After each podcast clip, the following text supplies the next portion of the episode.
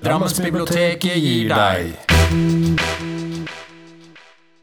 Altså, ja, velkommen til uh, den Nobelkvelden som Drammen bibliotek og jeg har uh, dratt i gang. Vi, vi, hadde egentlig tenkt å ha gamle bestemor fra Värmland i kveld. Men altså, Selma Lagerlöf hun måtte vike, fordi at vi er jo vi er jo altså mm, selvfølgelig så opptatt av likes og besøk at vi, vi tenkte at nå skal vi slå til med en meget aktuell forfatter. Og om fem dager så får, får franske Annie Ernaux nobelprisen i litteratur i Stockholm på fødselsdagen til Alfred Nobel. Og um, da skal vi selvfølgelig ta, holde en liten, en liten aften her i kveld om Annie Ernaux.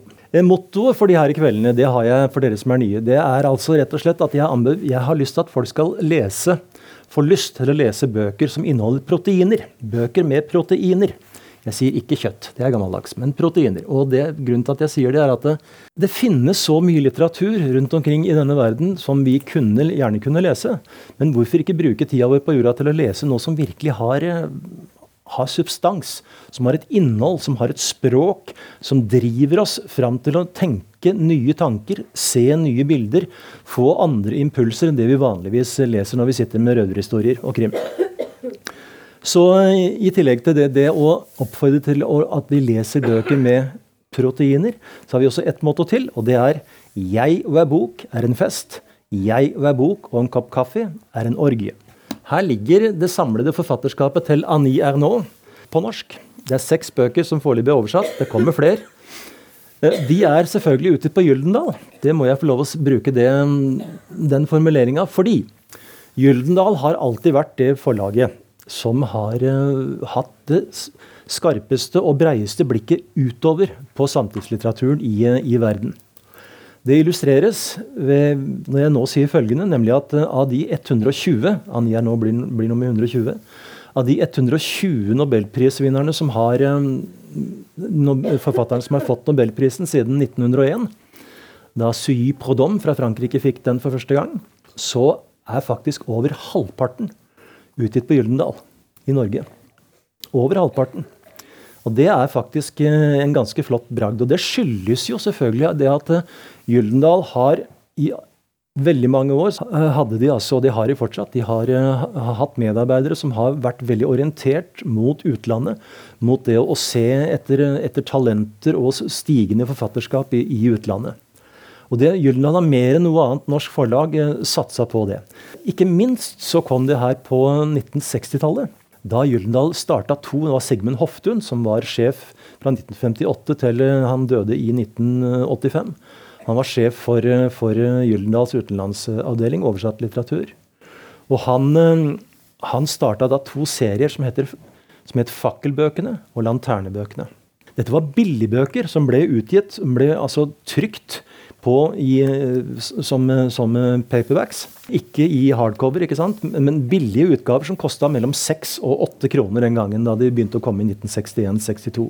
Det var bl.a. noe de gjorde veldig smart. De, de, lagde flotte omslag. De fikk gode designere, unge designere til å lage omslag som traff rett i skapet i tida. Og det, det gjorde at de, det ble liksom en sånn kvalitets... altså Tidligere så sto, sto ikke bøkene sånn i bokhandler. Du så ikke forsidene. Du så rygger, sånn som det står her. Og da måtte du liksom stå, gikk sånn gjennom bokhandelen ikke sant? for å finne ut uh, hvem, som, hvem, som, var der. Men det, det gjorde Gyldendal genialt, de, for de leverte nemlig De ga bort stativer til, uh, til, til, til bokhandlene, hvor at de kunne sette opp bøkene sånn at du så fronten. Og fakkel og lanterne de hadde veldig sånne blikkfang. Og det var jo dette her på 60-tallet. ikke sant? Vi gikk fra en sånn naiv, litt sånn uh, lydig verden til en sånn revolusjonær kraft som bare sprøyta og bana seg vei uh, inn i, i mennesker. 68-generasjonen, opp, opprørene i Paris, 68, alt dette her, som Annie nå bl.a. skriver om. Og det, det, traff veldig i tida. Det var billig, og alle kjøpte det. Istedenfor å låne, så kjøpte folk bøker. For bøker var, var, også den gangen ganske dyrt hvis de kom i ordentlig cover. Men i hvert fall, det er liksom starten på uh, den virkelig store utbredelsen av uh, oversatt utenlandsk kvalitetslitteratur, som Gyldendal gikk i bresjen for.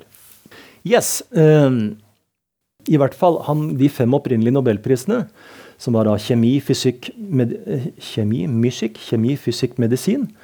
Eh, fredsarbeid og litteratur. Det var den ene kunstarten. Den ville Alfred Nobel ha med. Det hadde vært litt tøft da om, Alfred Nobel hadde hett Harry til etternavn. Alfred Harry. Så kunne man altså delt ut Harry-prisen i litteratur.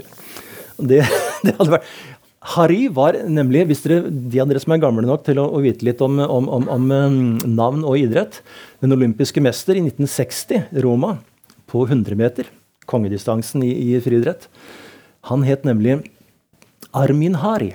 Han var fra Saarland i Tyskland. Han vant den distansen med det etternavnet, og han ble, fikk også, Tyskland fikk også Vest-Tyskland fikk gull på 100 meter stafett. Så de to gullmedaljene det er Harry-medaljer.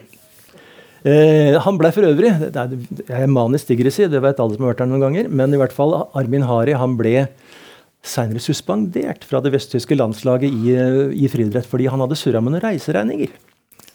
Og det var, det var den gangen grunn nok til å bli sparka ut. Så det er, eh, det er, mange ting som skjer i en verden av geografi og kjærlighet. En ting jeg har lyst til å, ta opp i dag, det er at jeg, når jeg snakker med folk om det her med nobelprisvinner og sånt, nå, så har jeg følelsen av at det er mange som tenker at dette er en De som skriver og får nobelprisen i litteratur, det må være ganske sånn vanskelig avanserte greier. Feil. Feil, feil. Tenk på Olga Tokarczuk. Lette, enkle setninger som vi hadde i oktober. Tenk på Albert Camus, som vi hadde i nå i november forrige gang. Lette, enkle setninger, et enkelt språk, veldig begripelig. Alle kan lese det, hvis man har et noenlunde grunnleggende forståelse av et, uh, av et, et språk. Enda mer kan vi si det om Annie Ernaux. Bøkene hennes er de inneholder ingen sånne svære, lange setningsoppbygninger, som vi fant hos Saramago, som vi snakka om i september. Det er veldig enkle ting. Det er enkle konstruksjoner. Et dagligdags språk.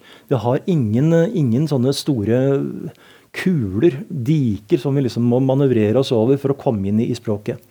Veldig enkelt. Det er noe, ingen voldsomme adjektiver. Det er ikke noe, ikke noe Hva skal vi si? Det er ikke noe Hun har ikke noe, noe sånn prestasjonsangst for å, å liksom måtte skrive avansert og vanskelig. Veldig, veldig enkelt språk. Og det, er, eh, det syns jeg er veldig flott. Det er eh, en av de som aldri fikk nobelprisen. Agota Kristoff fra Ungarn. Har dere lest henne? Agota Kristoff.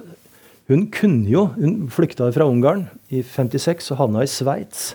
Og lærte seg fransk. Jobba på et, eh, en fabrikk og lærte seg fransk ikke sant, på fritida. Og hun begynte å skrive for å lære seg språket fransk. så begynte hun å skrive. Skrev de her tre bøker, tre små bøker om, om to tvillinger. Helt fabelaktig flott. Det er så enkelt språk at det, i Tyskland så har vi det er tekst-TV veldig stort, nemlig. Og i Tyskland så har vi en, På tekst-TV så finnes det egne sider for folk som har en, akkurat har kommet til Tyskland og har, er i ferd med å lære seg eh, det tyske språket. Enkelt språk. Og det, er, eh, det kunne man også si om hun her Agota Kristoff. Men for en litteratur! Så det, det, handler ikke om, det handler ikke om å gyte en masse avanserte ord. Det handler om å, å stille, opp, altså stille opp bilder som sammen gjør et, lager en helhet. Altså en redigering og en klipping. Altså Måten disse, dette språket åpner opp innsikter på, det er der esset ligger. Det er der jokeren sitter. Så seks bøker på norsk så langt. En lidenskap som kom i um, første gang faktisk i 1993, og som kom ut igjen på nytt i 2018 det er den her. Den er altså en bitte liten bok på 78 sider. Hun kaller ikke romaner. Det er ikke det det er. Altså, hun, hun, bruker åpenbart seg sjøl som modell, sine egne erfaringer som, eh, som modell for, eh, for, det hun skriver om.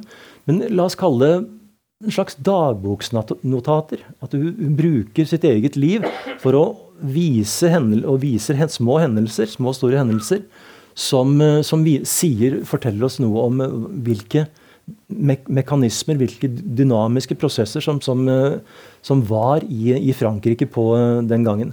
Hun er født 1.9.1940, hun er altså 82 år. Og eh, hun begynte ved å skrive den første boka hennes tror jeg kom i 1974. Så hun er også en slow starter, som Saramago, som vi var inne på i, i september. Begynner seint, men kom når det først, når det først kommer, så, så kommer toget. En lidenskap, det er den her. Ja, unnskyld. En lidenskap. Eh, årene er nummer to. Den kom i 2020. Samme året som hendelsen, også i 2020. Så kom det som heter eh, to bøker som er slått sammen til én på norsk, som heter 'Far og en kvinne'. Veldig sterk og flott bok. Og så kom 'Sommeren 58'. Det er den. I 2021. Og så kom i år 'Den unge mannen'. Så vet jeg at Gyldendal de har oversettere som sitter og ni, niskriver for tida for å få ut flere bøker. Dette er, dette er jo bestselgere i mange land.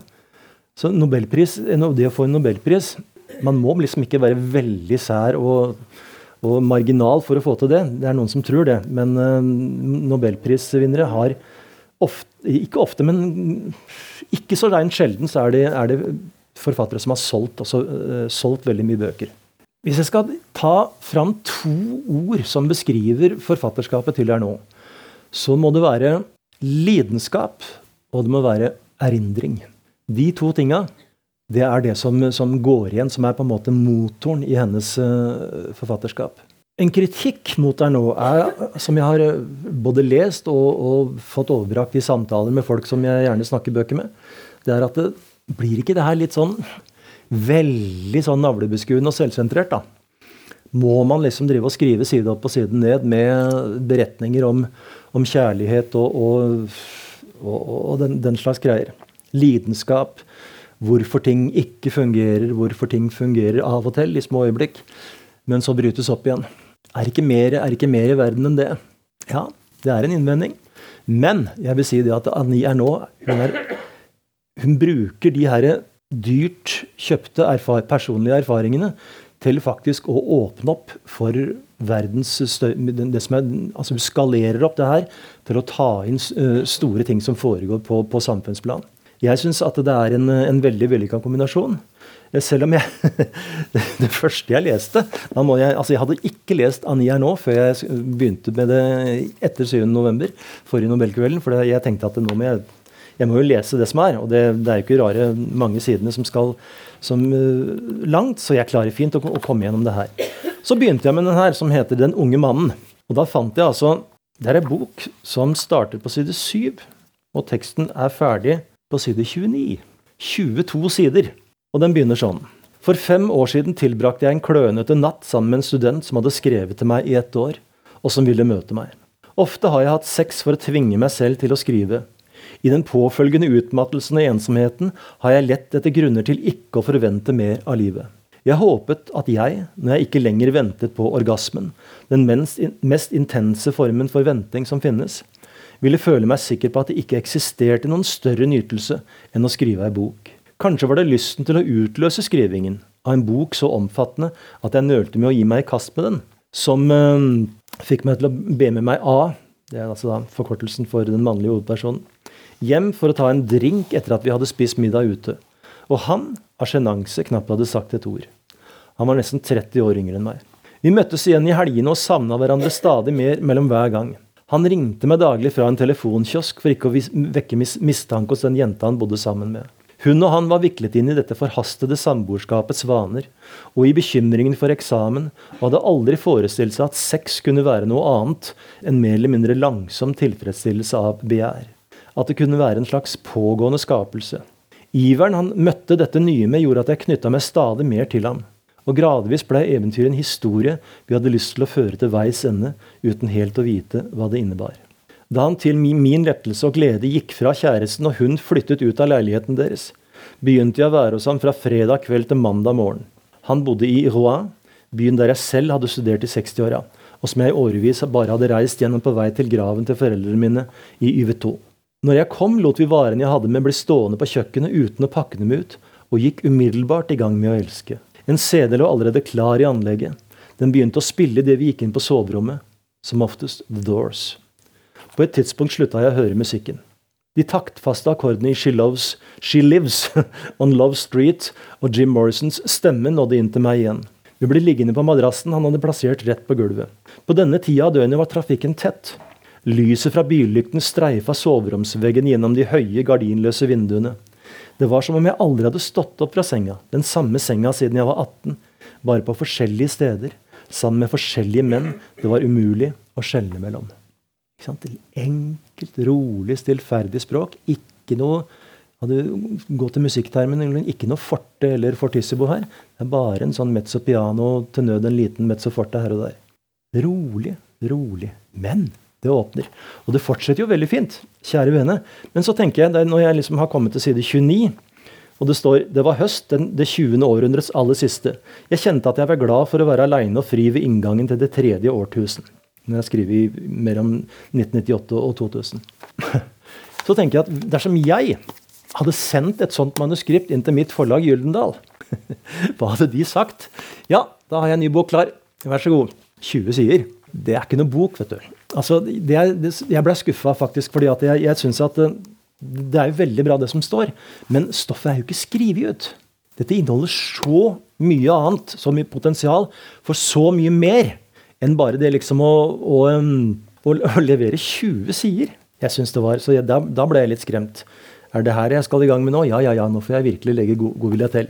Men så kommer jeg jo videre ikke sant, og får Det holder jo så det suser. Men jeg, til å begynne med så var jeg litt sånn eh, Litt, litt, litt um, betenkt. Er dette alt, liksom? Fordi altså man kan jo gå til musikkverdenen igjen. Man har jo dette med singler. Altså Singelplater. Den gangen det var vinyl, liksom, sånne sjutommere, så var det liksom én hovedlåt som man spilte, satte på. Og så kunne man, hvis man ville av og til, baksida, som som regel var ganske uinteressant. Ikke alltid, men, men ofte. Så liksom en sånn singel, den, altså det var jo helt flott. Men en singel, ei singelplate, det var et eget lite univers. Hvis vi tenker liksom på But where do you go to, my lovely, when you're alone in your bed? Tell me the thoughts that surround you. And I want to look inside your head, yes I do. Ikke sant? Det er nydelig! Den singelen den varer tre minutter. Den kan du spille 30 ganger på en ettermiddag. Halvannen time er godt. Det er helt nok. Men da er det under forutsetning av at den låten den, en, den introduserer en viss mengde med materiale som spilles ut på tre minutter. Mens her ligger det stoff til mye, mye mer. Det var min første reaksjon. Annie, latskap. Så, så gikk jeg videre. Og det andre jeg leste, det var vel eh, Det var altså eh, en lidenskap. Og den, eh, den syns jeg var flott. Den er også forferdelig selvsentrert, på en eller annen måte, fordi den handler egentlig bare om hva som foregår i et menneske som eh, gir seg hen til en aldeles håpløs og bunnløs forelskelse. Hun, eh, Hovedpersonen forelsker seg da i en, en østeuropeisk mann som jobber av og til i Paris. Og dette forholdet det blir eh, altoppslukende. Det eneste du tenker på, det er hva skal når, når ringer han neste gang? Når kan vi treffes igjen? Osv. Men hvis man klarer å se vekk fra det, så er en, eh, den der veldig selvsentrerte greia, så er det faktisk en ganske, ganske flott bok. Altså, for den, den beskriver så nøyaktig hva som skjer med et menneske som havner i en tilstand. Et sted her inne så står det bl.a. Eh, et eller annet med at eh, ja, og i dag ble Kennedy Nei, ble, jo, ble John F. Kennedy skutt i Dallas. Og ja, jeg bryr meg ikke. Spiller ingen rolle. Det eneste hun tenkte på, det var den, eh, den elskeren. Sånn sett så, så, minner Annie Ernaux litt om en avdød fransk kollega av, av, av, henne, som heter Marguerite Durand. Veldig flott forfatter. Jeg syns Durand er eh, i hvert fall Etter at jeg hadde lest de to, så ville jeg holdt en knapp på, på Durand, fordi at Durand har en uh, mer åpen måte å skrive på. Altså, hun har bl.a. et skuespill som heter 'Hele dager i trærne', hvis noen har sett det eller lest det. Hvor at det, ting bare liksom Det svever, og det er liksom det, det, rot, det, det er ikke noe røtter på en måte ned til den jorda vi lever på, selv om det foregår i et tre, og tyngdekraften er i aller høyeste grad til stede. Men Dura hun er litt mer, altså det, det er litt mer abstrakt. Mens Annie er nå er veldig konkret. Så eh, da jeg hadde lest to bøker, så holdt jeg fortsatt en knapp på, på Dura. Men så kom jeg videre til den her, da. I årene. Det er ei flott bok. Da ble jeg overbevist. Altså, på, de første sidene her så presenterer hun et um, mange bilder, mange opptrinn, begivenheter, hendelser. Lada øyeblikk, situasjoner og, og erindringer. Og hun skriver bl.a. Um, et sted at um, i samtalene rundt et festdekka bord vil, vil vi bare være et fornavn med et ansikt som gradvis blekner, helt til det forsvinner i den anonyme massen av fjerne generasjoner. Det der, der det er en sannhet som angår oss alle. Fordi livet vårt her og nå det framstår selvfølgelig for oss som altoppslukende. Men det kommer til å forsvinne. Det er det eneste som er sikkert. Og husk at et ekko kan høres i tusen år, men ikke i all evighet.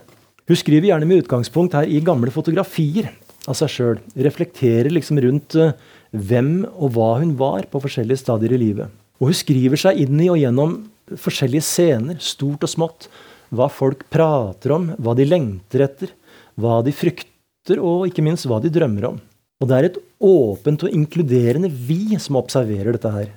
Som fordøyer, forvalter og gjengir hendelser og begivenheter mange år i etterkant. Det er veldig, veldig flott gjort. Det handler om mye mer enn den jenta Annie er nå, som har det navnet. Hun får fram noe som, eh, som er større enn en hennes eget individ. Dette beviser altså hvor, hvor, fantastisk verktøy hukommelsen, erindringen, minnene er når man skal skrive, skrive bøker. Ikke minst denne her. 'Sommeren 58'. Den kom på fransk først i 2016. Men den, det er altså en hendelse, eh, eller en serie hendelser som foregikk en, Hun var, fikk jobb som lærer på en feriekoloni i Normandie, hvor hun er, for øvrig er født. Nord for, for, liksom, for scenens utløp. Og her opplever han for første gang uh, nærheten av en uh, tilstedeværelsen av en naken mannekropp. Både ved siden av seg og inni seg. Og det beskriver jeg jo Ja, det er veldig flott. Jeg skal lese litt fra side 9, står det her i sjefens notater. Skal vi se. Det finnes mennesker som blir fullstendig oppslukt av andres virkelighet. Av deres måte å snakke på. Av hvordan de legger beina i kors, eller hvordan de tenner en sigarett. Mennesker som blir klistra fast til andres eksistens. En dag, eller snarere en natt, lar de seg rive med av én bestemt annens begjær og vilje. Den de trodde de var, forsvinner.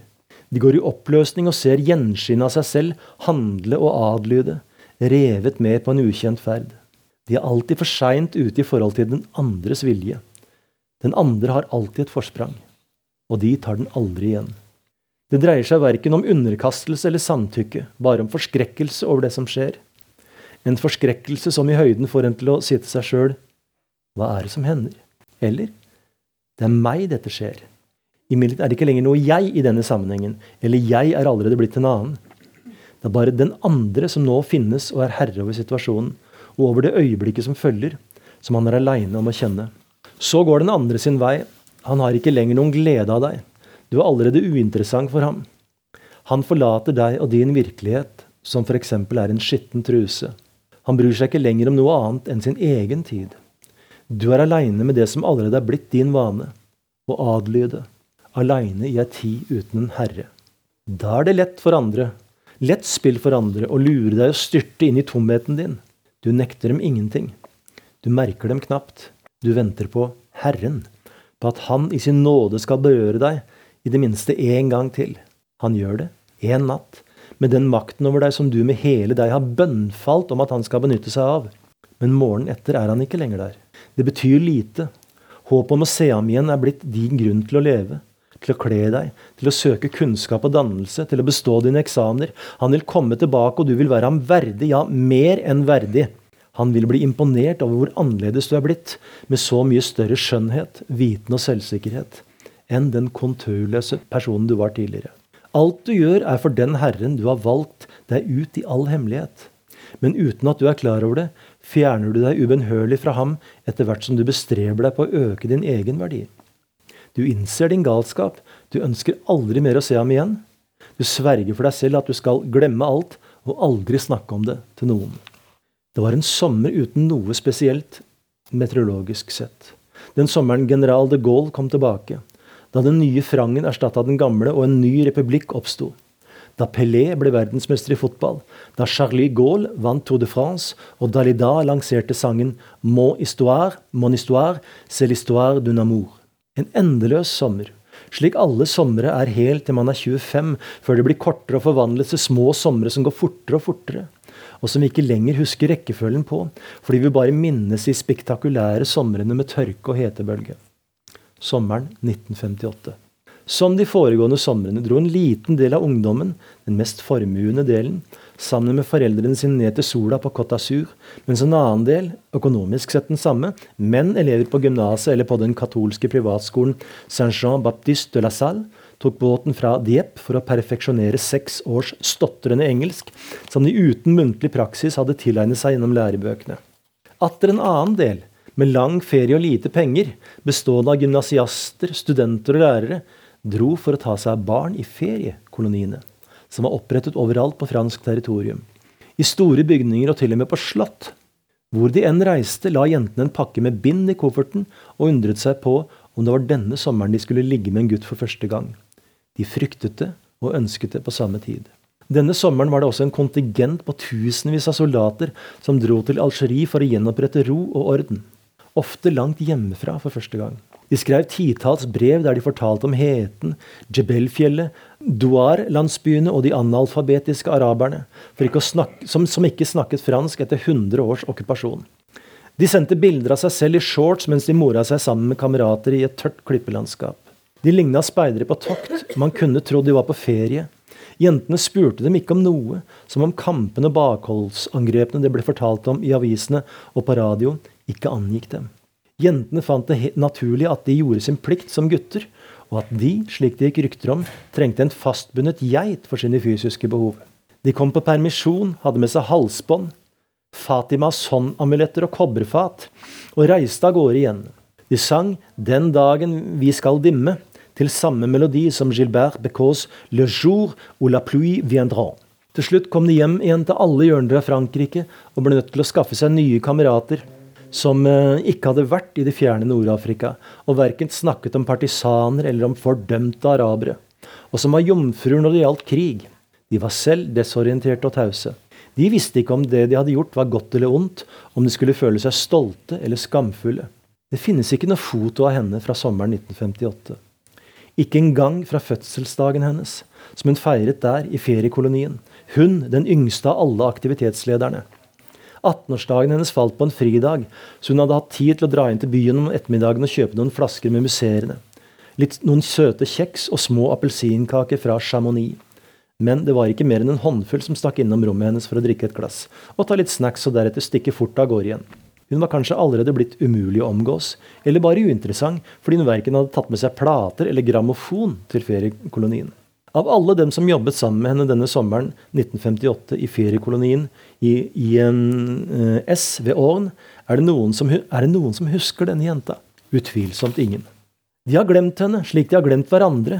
Alle de som i slutten av september ble, ble spredd for alle vinder og vendte tilbake til sitt gymnas, sin lærer- eller sykepleierskole, sin idrettsskole eller ble kommandert tilbake til sin kontingent i Algerie.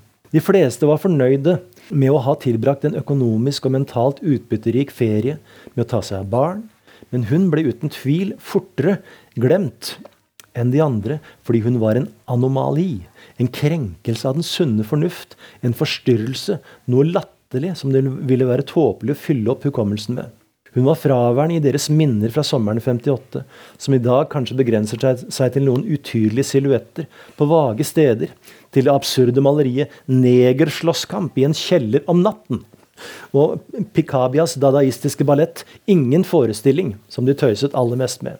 Alt som forsvunnet fra de andres bevissthet, fra alle disse bevissthetene som ble flettet sammen på dette bestemte stedet i fylket Ån, denne bestemte sommeren, disse andre som avgjør hvor mye kroppenes, hennes kropps, handlinger, atferd og tiltrekning var verd.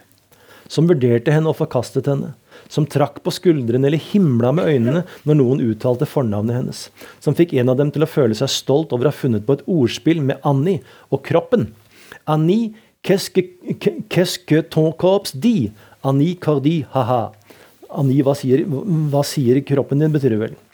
Hva kroppen din sier. Hun var definitivt glemt av de andre, som hadde blitt ett med det franske samfunnet eller bosatt seg et annet sted i verden som var gifte, skilte, enslige eller pensjonerte besteforeldre med grått eller farget hår. Ugjenkjennelige. Dette, dette er flott. Veldig altså utgangspunkt hele tida i den fysiske og psykiske følelsen av hvem jeg er, men hele tida i møte med de andre. Husk at kom, Hun kommer fra lutfattige forhold i Normandie.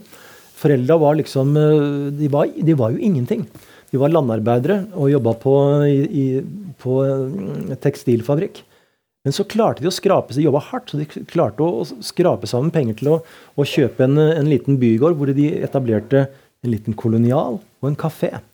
Der inne så blei de, når de fikk tak i den, der inne var de på en måte litt heva over.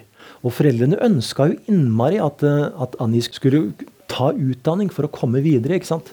Og det, det, skal jeg komme tilbake til. Men det var en um, Ja, det er ikke enkelt. Nå holder jeg på å begynne å foregripe begivenhetene her, men jeg skal, jeg skal, være disiplinert og vente. For når vi har snakka om den hendelsen, det er nok en av de jævligste bøker jeg har lest på lenge.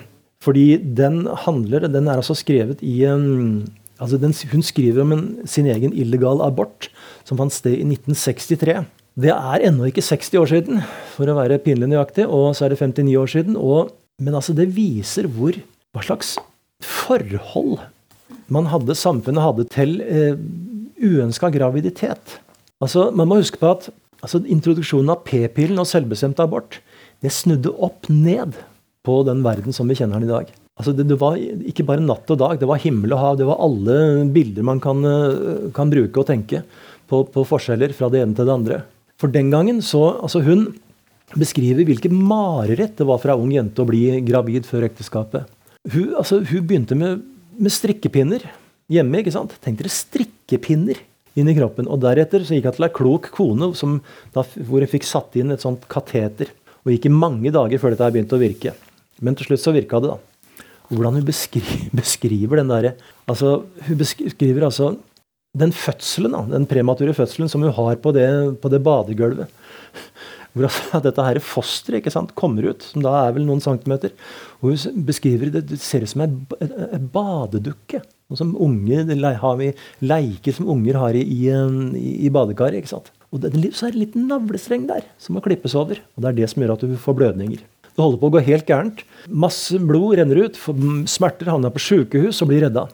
Men det som faktisk gjorde aller sterkest inntrykk på meg i den lille boka her, som også er et eh, er skal vi se 78-79 sider, 80 sider. Det er det som står på side 66-70. Hvordan hun ble mottatt. Hvordan legen på det hospitalet mottok henne. Hør på det her. Jeg mista blod. Til å begynne med la jeg ikke merke til det.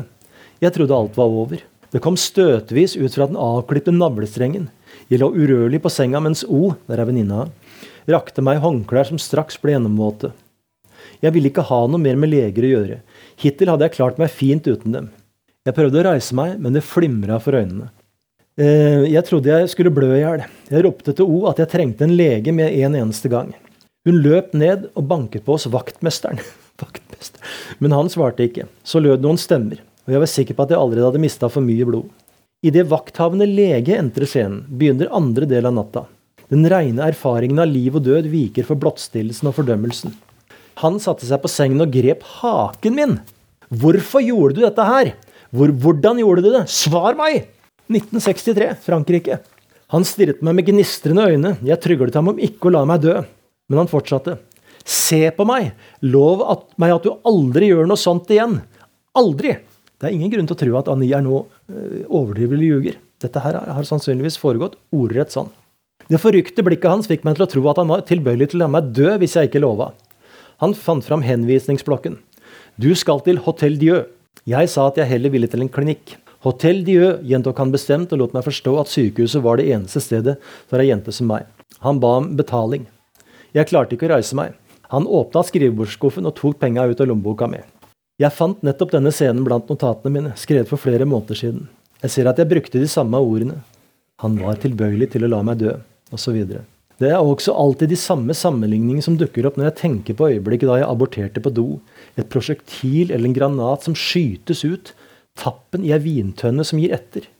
At jeg ikke klarer å uttrykke disse tingene med andre ord, at jeg alltid sammenstiller de fortidige kjensgjerningene med helt bestemte bilder, tar jeg som beviset på at jeg virkelig opplevde hendelsen slik. Det avsnittet her det står i en parentes. Vi er flinke til å, å, å bruke sånne enkle midler for å få nivåer i teksten. Så går vi videre. Jeg ble frakta på båre ned fra rommet. Alt var uskarpt. Jeg hadde ikke briller på. Det hadde altså ikke tjent til noe å ta antibiotika og holde hodet kaldt første del av kvelden. Dette endte på sykehuset. Jeg følte at jeg hadde opptrådt korrekt fram til jeg begynte å miste blod. Jeg lette etter feilen. Hun leiter etter feilen i seg sjøl. Det er instinktivt. Oppdragelsen. Den begynte sikkert med navlestrengen. Vi burde ikke ha klippet den. Jeg hadde mistet styringen. Kommer en ny parentes. Jeg føler på meg at det vil være likedan når denne boken er ferdig. Besluttsomheten min, alle anstrengelsene, alt dette arbeidet utført i det stille, ja, i all hemmelighet, siden ingen aner at jeg skriver om dette, vil plutselig bli borte. Jeg vil ikke lenger ha noen innflytelse over teksten min. Den vil blottstilles på samme måte som kroppen min på Hotell Dieu. Jeg ble lagt på ei trilleseng i foajeen rett overfor heisen, der det var et jevnt renn av folk. Det var aldri min tur til å bli tatt med inn. Ei jente med diger mage ankom sammen med en kvinne som har vært moren. Hun sa at hun skulle føde. Sykepleieren avviste henne kontant. Det var lenge til termin. Jenta ville bli, de begynte å krangle, men til slutt dro hun igjen sammen med kvinnen. Sykepleiersken trakk på skulderen. Hun der har prøvd seg i to uker nå. Jeg fikk vite at jenta var 20 år gammel og ugift. Hun hadde beholdt barnet, men ble ikke behandla noe mer skånsomt enn meg. Jenta som hadde abortert, og den ugifte moren fra Roins fartekvarter var i samme båt. Kanskje forakta de henne enda mer enn meg. Så kommer det. Jeg var naken da jeg lå på operasjonsstua med beina hevet og spent fast i bøyler og et skarpt lys retta mot meg. Jeg skjønte ikke hvorfor jeg måtte opereres, det var jo ikke noe mer å fjerne fra magen min. Jeg tryglet den unge kirurgen om å si hva han skulle gjøre med meg. Han stilte seg opp foran de sprikende beina mine og brølte. Jeg er da ikke rørlegger! Det var det siste jeg hørte før bedøvelsen, bedøvelsen slo meg ut. Ny parentes. Jeg er da ikke rørlegger i likhet med alle de andre setningene som med jevne mellomrom dukket opp i løpet av disse månedene. Helt alminnelige setninger, uttalt av mennesker som sa dem uten å tenke seg om. Drønner denne fortsatt inni meg. Verken gjentakelsen eller en sosiopolitisk analyse av den kan dempe den brutale virkningen. Jeg ventet i den ikke. I flyktige glimt synes jeg at jeg ser en hvitkledd mann med gummihansker som slår meg gul og blå og brøler. Jeg er da ikke rørlegger. Denne setningen, som han muligens hadde hentet fra en sketsj av Fernand Renault, som på den tiden fikk hele Frankrike til å le, deler stadig verden inn i et hierarki i hodet mitt. Eh, banker skillet mellom leger på den ene siden og arbeidere og aborterende kvinner på den andre. Mellom undertrykkerne og de undertrykte inni meg. Det var mørkt da jeg våkna. Jeg hørte en kvinne komme inn og rope at nå måtte jeg se og holde munn. Jeg spurte om de hadde fjerna eggstokkene mine. Hun beroliget meg kontant. De hadde bare gjort en utskrapning. Jeg var aleine på et rom iført sykehusskjorte. Jeg hørte barnegråt. Magen min var slapp og innhul. Jeg forsto at jeg i løpet av natten hadde mistet den kroppen jeg hadde hatt siden ungdommen, med det levende, hemmelighetsfulle kjønnsorganet som hadde tatt til seg det mannlige kjønnsorganet uten å forandre seg. Det var bare blitt enda mer levende og hemmelighetsfullt. Nå hadde jeg et blottlagt, oppflerret kjønn. En utskrapt, vrengt mage. En kropp som lignet min mors. Jeg så på arket som hang ved fotenden av sengen. Gravidus uterus, sto det. Det var første gang jeg så det latinske uttrykket. Jeg kom på at gravidus betyr tung, og det bød meg imot. Jeg forsto ikke hvorfor de hadde skrevet det. Jeg var jo ikke gravid lenger. De ville altså ikke si hva som hadde skjedd med meg. Ved tolvtiden kom de med et kokt kjøttstykke på en tallerken full av slapp kål, med ribber og nerver på kryss og tvers. Jeg orka ikke røre det. Det føltes som om de serverte meg morkaken min. I gangen var det fullt av leven som syntes å komme fra mattralla. Med, med mellomrom ropte en kvinnestemme ut En pudding til Madame X eller Y, hun ammer. Som et privilegium.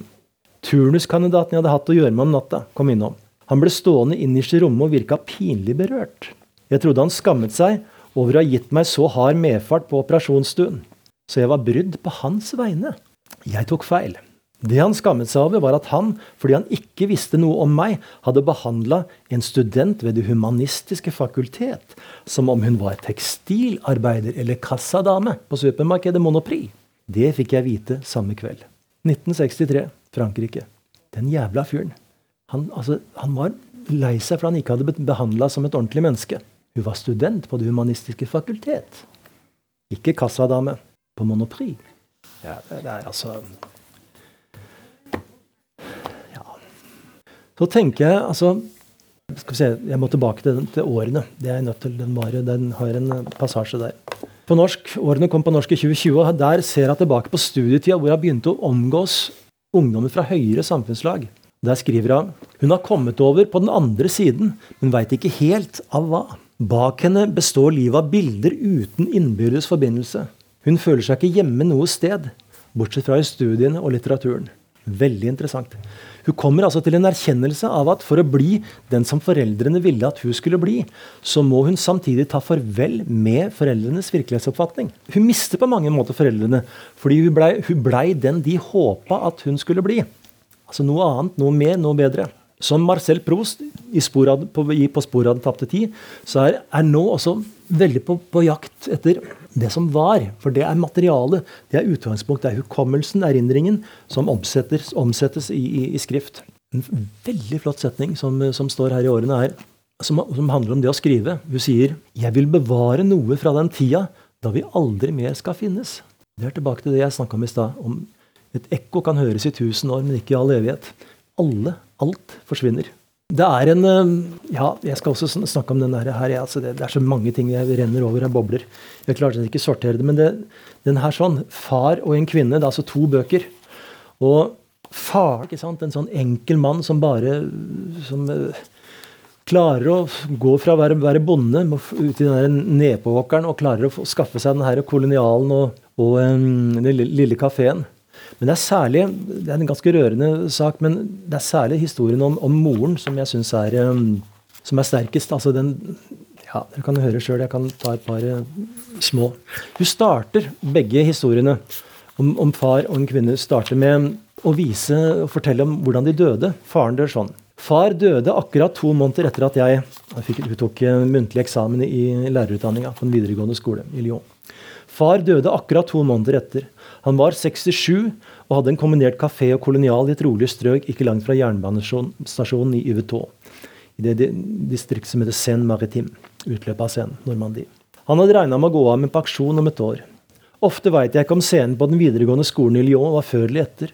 Om den blåsende eh, aprilmåneden der jeg ser meg selv på bussholdeplassen på Croix gikk forut for eller kom etter den kvelende junimåneden da han døde. Så de, de, sånne flotte passasjer er bøkene fulle av. Hun bruker mye luft. Altså, Dere som har lest det, vet det, men hun bruker veldig mye. Altså, det, det, det, er ikke sånn at hun pakker på, sånn som f.eks. Sara Mago, hvor det er uendelige setninger. Men hun lager små avsnitt. Som um, fars lesebok het 'Frankrike rundt sett med to barns øyne'. Der finner man underlige setninger som 'lære å alltid være fornøyd med vår skjebne'. Og 'det som er vakrest i verden, er den fattiges nestekjærlighet'. Og en familie forent til kjærlighet eier den største skatt. Og det beste ved rikdom er at den gjør det mulig å lette andres fattigdom. Altså, hør på hvilke verdigrunnlag som ligger under her. Det er liksom uh, Vær snill og grei og godta det som er. Det er, uh, det er ikke rart det blei revolusjon der nede i, på 60-tallet, i 68. Og så boka om moren. Mor døde mandag 7. april på aldershjem ved sykehuset i Pontoise, der jeg plasserte henne for to år siden. Hun fikk alzheimer. Forferdelig affære. Fryktelig sykdom. Moren din sovna inn i dag morgens, morges etter frokost, sa sykepleieren i telefonen. Det var i titida. Ikke sant? Tre små setninger. Det er litteratur med vind. Det blåser i teksten hennes. For første gang var døren til rommet hennes, altså mora, lukket. De hadde stelt henne alt. En hvit tøyremse var surra rundt huet og rundt haka hennes, slik at huden ved munnen og øynene ble holdt på plass. Hun var dekka av et laken fra skuldrene og ned, Hendene var skjult. Hun ligna en liten mumie. De hadde ikke fjerna de to sidegrindene som skulle hindre henne i å stå oppe av sengen. Dere som har sett en, en litt gammel person som, som, som har dødd, dere vet nøyaktig hva hun snakker om. De ligner på mumier. De hadde ikke fjerna de to sidegrindene ja, som skulle hindre henne i å stå opp av sengen. Jeg ville kle på henne den hvite nattkjolen med uh, kroklisse Henrik var der, som hun en gang i tiden hadde kjøpt til begravelsen sin. Hun, uh, Sykepleieren sa at en dame fra avdelingen skulle ta seg av det. Hun skulle også legge krusifikset fra nattbordskuffen på henne. Det mangla de to naglene som festa kobberarmene til korset. Sykepleieren var usikker på om han, han, han faktisk, ville, ja, okay, ville, finne noen andre. Det spilte ingen rolle. Jeg ville likevel at hun skulle ha krusifikset. På trillebordet sto Forsytia-buketten jeg hadde tatt med dagen før. Sykepleieren råda meg til å gå til sykehusets administrasjonskontor med en gang. I mellomtida skulle de lage ei liste over mors personlige eiendeler. Hun hadde nesten ikke noe lenger en drakt, et par blå sommersko, en elektrisk barbermaskin. En kvinne begynte å skrike, den samme som hadde gjort det i månedsvis. Dere som har vært på aldershjem, veit at det er alltid noen som sitter og skriker. Jeg fatta ikke at hun fortsatt var i live, og at mor var død. På administrasjonskontoret, ikke sant, veldig saklig språk, spurte en ung kvinne hva det gjaldt. Moren min gikk bort i morges, sa jeg. Hun spurte på sykehuset eller langtidsavdelingen. Hva var navnet? Hun kikket på et ark og smilte litt. Ja, hun hadde fått beskjed allerede. Hun gikk og henta mors journal og stilte meg noen spørsmål om henne. Fødested, siste adresse før hun fikk langtidsopphold. Disse opplysningene sto antagelig oppført i journalen. På nattbordet på mors rom hadde de satt fram en plastpose med eiendelene hennes. Sykepleieren rakte meg listen for at jeg skulle signere den. Jeg ønsket ikke lenger å ta med meg klærne og tingene hun hadde, hadde, hatt her, bortsett fra en liten statuett hun i sin tid hadde kjøpt på en pilegrimsreise til Lisieux sammen med far, og en liten figur av en feiergutt fra Savoyer, en suvenir fra Annecy. Nå som jeg, de bodde, er nå bodde i Annecy en periode sammen med mann og to sønner, og mora flytta dit etter at faren hennes døde. Bodde sammen med dem. Mistrivdes selvfølgelig vanvittig. Nå som jeg var kommet, kunne de kjøre mor til sykehuset, likhus, uten å vente de forskriftsmessige to timene som avdøde skulle holdes på avdelingen etter dødstidspunktet. På vei ut så jeg kvinnen som delte rom med mor. På det innglassede personalkontoret. Hun satt med håndvesken i fanget. De fikk henne til å vente der, mor, der til mor var flyttet til likhuset. Eksmannen min ble med meg til begravelsesbyrået. Bak en utstilling av kunstige blomster sto det noen lenestol og salongbord med magasiner på. En ansatt viste oss til et kontor, spurte om dødsdato, begravelsessted, messe eller ikke. Han noterte alt i et stort bestillingsskjema, og tasta innimellom på en lommekalkulator. Han tok oss med til et mørkt rom uten vinduer og slo på lyset. Ti-tolv kister sto på høykant inntil veggen. Alle prisene er inkludert moms, presiserte den ansatte. Tre kister var åpne, slik at man også kunne velge farge på polstringen. Jeg valgte eik fordi det var yndlingstreet hennes, og fordi hun, når hun så et nytt møbel, alltid ville vite om det var laget av eik. Eksmannen min foreslo rødlilla polstring. Han var stolt, nærmest glad over å huske at hun ofte gikk med bluser i den fargen. Jeg skrev ut en sjekk til byrået. De tok seg av alt, bortsett fra å skaffe ekte blomster. Jeg kom hjem i tolvtida og drakk portvin sammen med eksmannen min. Jeg begynte å få vondt i hodet og magen. I femtida ringte jeg sykehus for å høre om det var mulig å se mor på likhuset sammen med de to sønnene mine. Sentralborddam svarte at det var for seint. Likehuset stengte halv fem. Jeg kjørte av gårde aleine for å finne en blomsterbutikk som holdt åpent på mandager i de nye kvartalene ved sykehuset. Jeg ville ha hvite liljer, men blomsterhandelen frarådet meg det. De brukes bare til barn. Til nød unge jenter. Helt nøkterne små hverdagsobservasjoner. Helt ikke noe sånn, ikke noe høy stemme i det hele tatt. Alt er helt rolig og veldig konkret. Hva ser jeg? Hva hører jeg? Men altså, det etterlater et inntrykk i leseren som er, som er veldig sterkt. Og jeg har jo tenkt Hun kommer da altså nå til Stockholm i helga som 82 år gammel kvinne og mottar Nobelprisen i litteratur. Hva hadde foreldra hennes tenkt hvis de hadde fått vite det? Hva hadde Annie Ernaux foreldre sagt og tenkt hvis de hadde visst at den dattera mi fikk Nobelprisen i litteratur? Hadde de skjønt det? Det er ikke sikkert. Det de hadde skjønt, var at 10 millioner kroner er jævlig mye penger. Og det hadde de virkelig. Det hadde de sannelig klart å, å, å, ta til seg. Og tilbake til den lille Trud Lutten som jeg sang så vakkert her i stad. Hva tenker Annie her nå, når hun ligger der om kvelden på lørdag skal, natta til, til, til søndag skal sove? Hva slags tanker går gjennom med sånt hue? Den boka venter jeg på. Takk for meg. Gratulerer med nobelprisen, madame Ernaud. Hun kommer til å være tilgjengelig i mange generasjoner framover, det skal jeg love dere. Tusen år, ekko, evighet, nei. Men tusen år er lengre. Jeg og en bok er en fest. Jeg og en bok og en kanne kaffe er i Norge. Takk for nå.